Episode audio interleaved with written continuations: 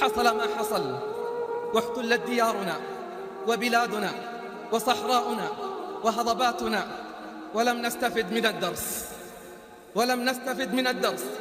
بل قست قلوبنا وساءت أحوالنا واجتهد أعداؤنا في القضاء على البقية الباقية فينا. ولم يجدوا سلاحا. ولم يجدوا سلاحا. أفتك فينا من الكأس والغانية. وسلطوا علينا عباد الدرهم والدينار من أصحاب الشاشات والقنوات.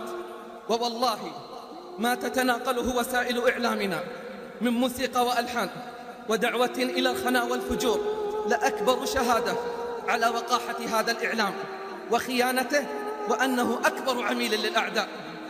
وها هي ثمرات التربية الإعلامية الخائنة تظهر لنا في كل مكان. لقد ربوا لنا أجيالا لا نعرف من إسلامها إلا الأسماء. أما الأشكال والهيئات فلقد قلدوا وتشبهوا بالكفار. ربوا لنا أجيالا هجرت المصاحف والمساجد وتسجد عند أقدام المطربات والراقصات ربوا لنا أجيالا بدلت الخنادق بالمراقص وبدلوا البنادق بكؤوس الخمر المترعة. ربوا لنا أجيالا تعيش على اللمسات الحانية والنغمة الهادئة والصاخبة. وما أكاديمي ستار إلا ثمرة من ثمرات جيل الموسيقى والألحان. فماذا تنتظرون؟ ماذا تنتظرون من جيل الموسيقى والألحان وجيل أكاديمي ستار؟ هل تريدون من هذا الجيل أن يحرر الأقصى؟ أو يسترد الجولان؟ أو أن يطرد الغزاة من العراق؟ كلا.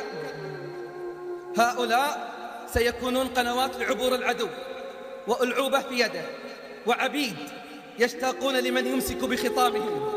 لن ينصروا قضية ولن يطلبوا حقا ولن يمنعوا دياثة ولن يحفظوا شرفا ولا كرامة.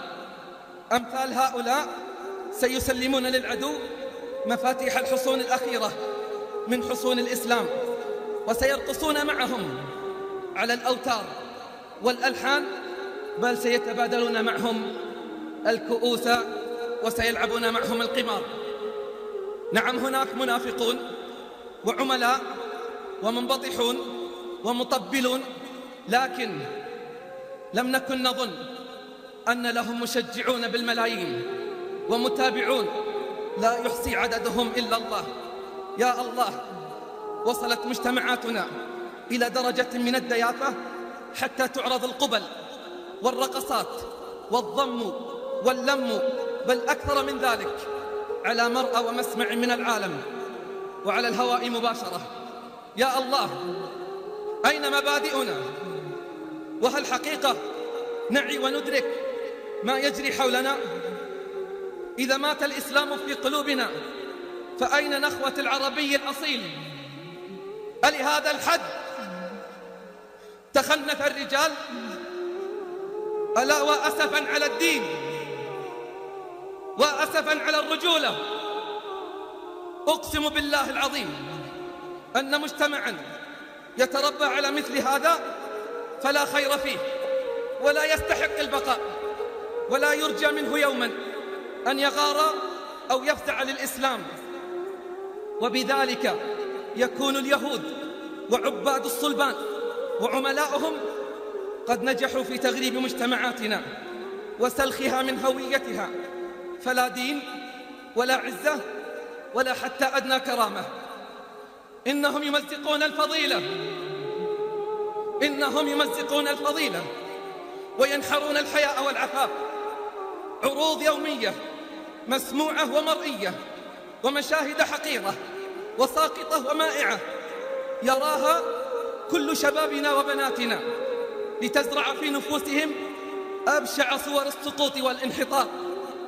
ومع التكرار والاستمرار تصبح الرذيلة أمرا طبيعيا في حياتنا وتصبح الفضيلة في حياتنا تخلفا ويصبح الحياء عقدا نفسية ويصبح العفاف والطهر والستر رجعية وغباء. ولا زلنا نقدم لهم التنازلات علهم يرضون عنا. فهل سيرضون؟ أنا أقول لكم متى سيرضون؟ لن يرضوا حتى تدخل الفاحشة والرذيلة كل بيت ولن يرضوا حتى يرتكب الزنا في الطرقات والحدائق بل وعند أسوار المساجد والله لن يرضوا حتى يقول الأب لابنته لا تتأخري مع أصحابك وانتبهي لا تجلبي لنا ذو الوعاظ تدرون متى سيرضون؟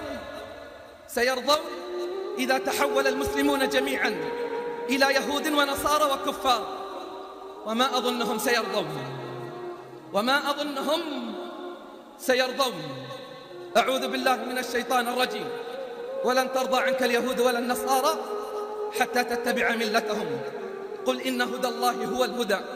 ولئن اتبعت أهواءهم بعد الذي جاءك من العلم ما لك من الله من ولي ولا نصير.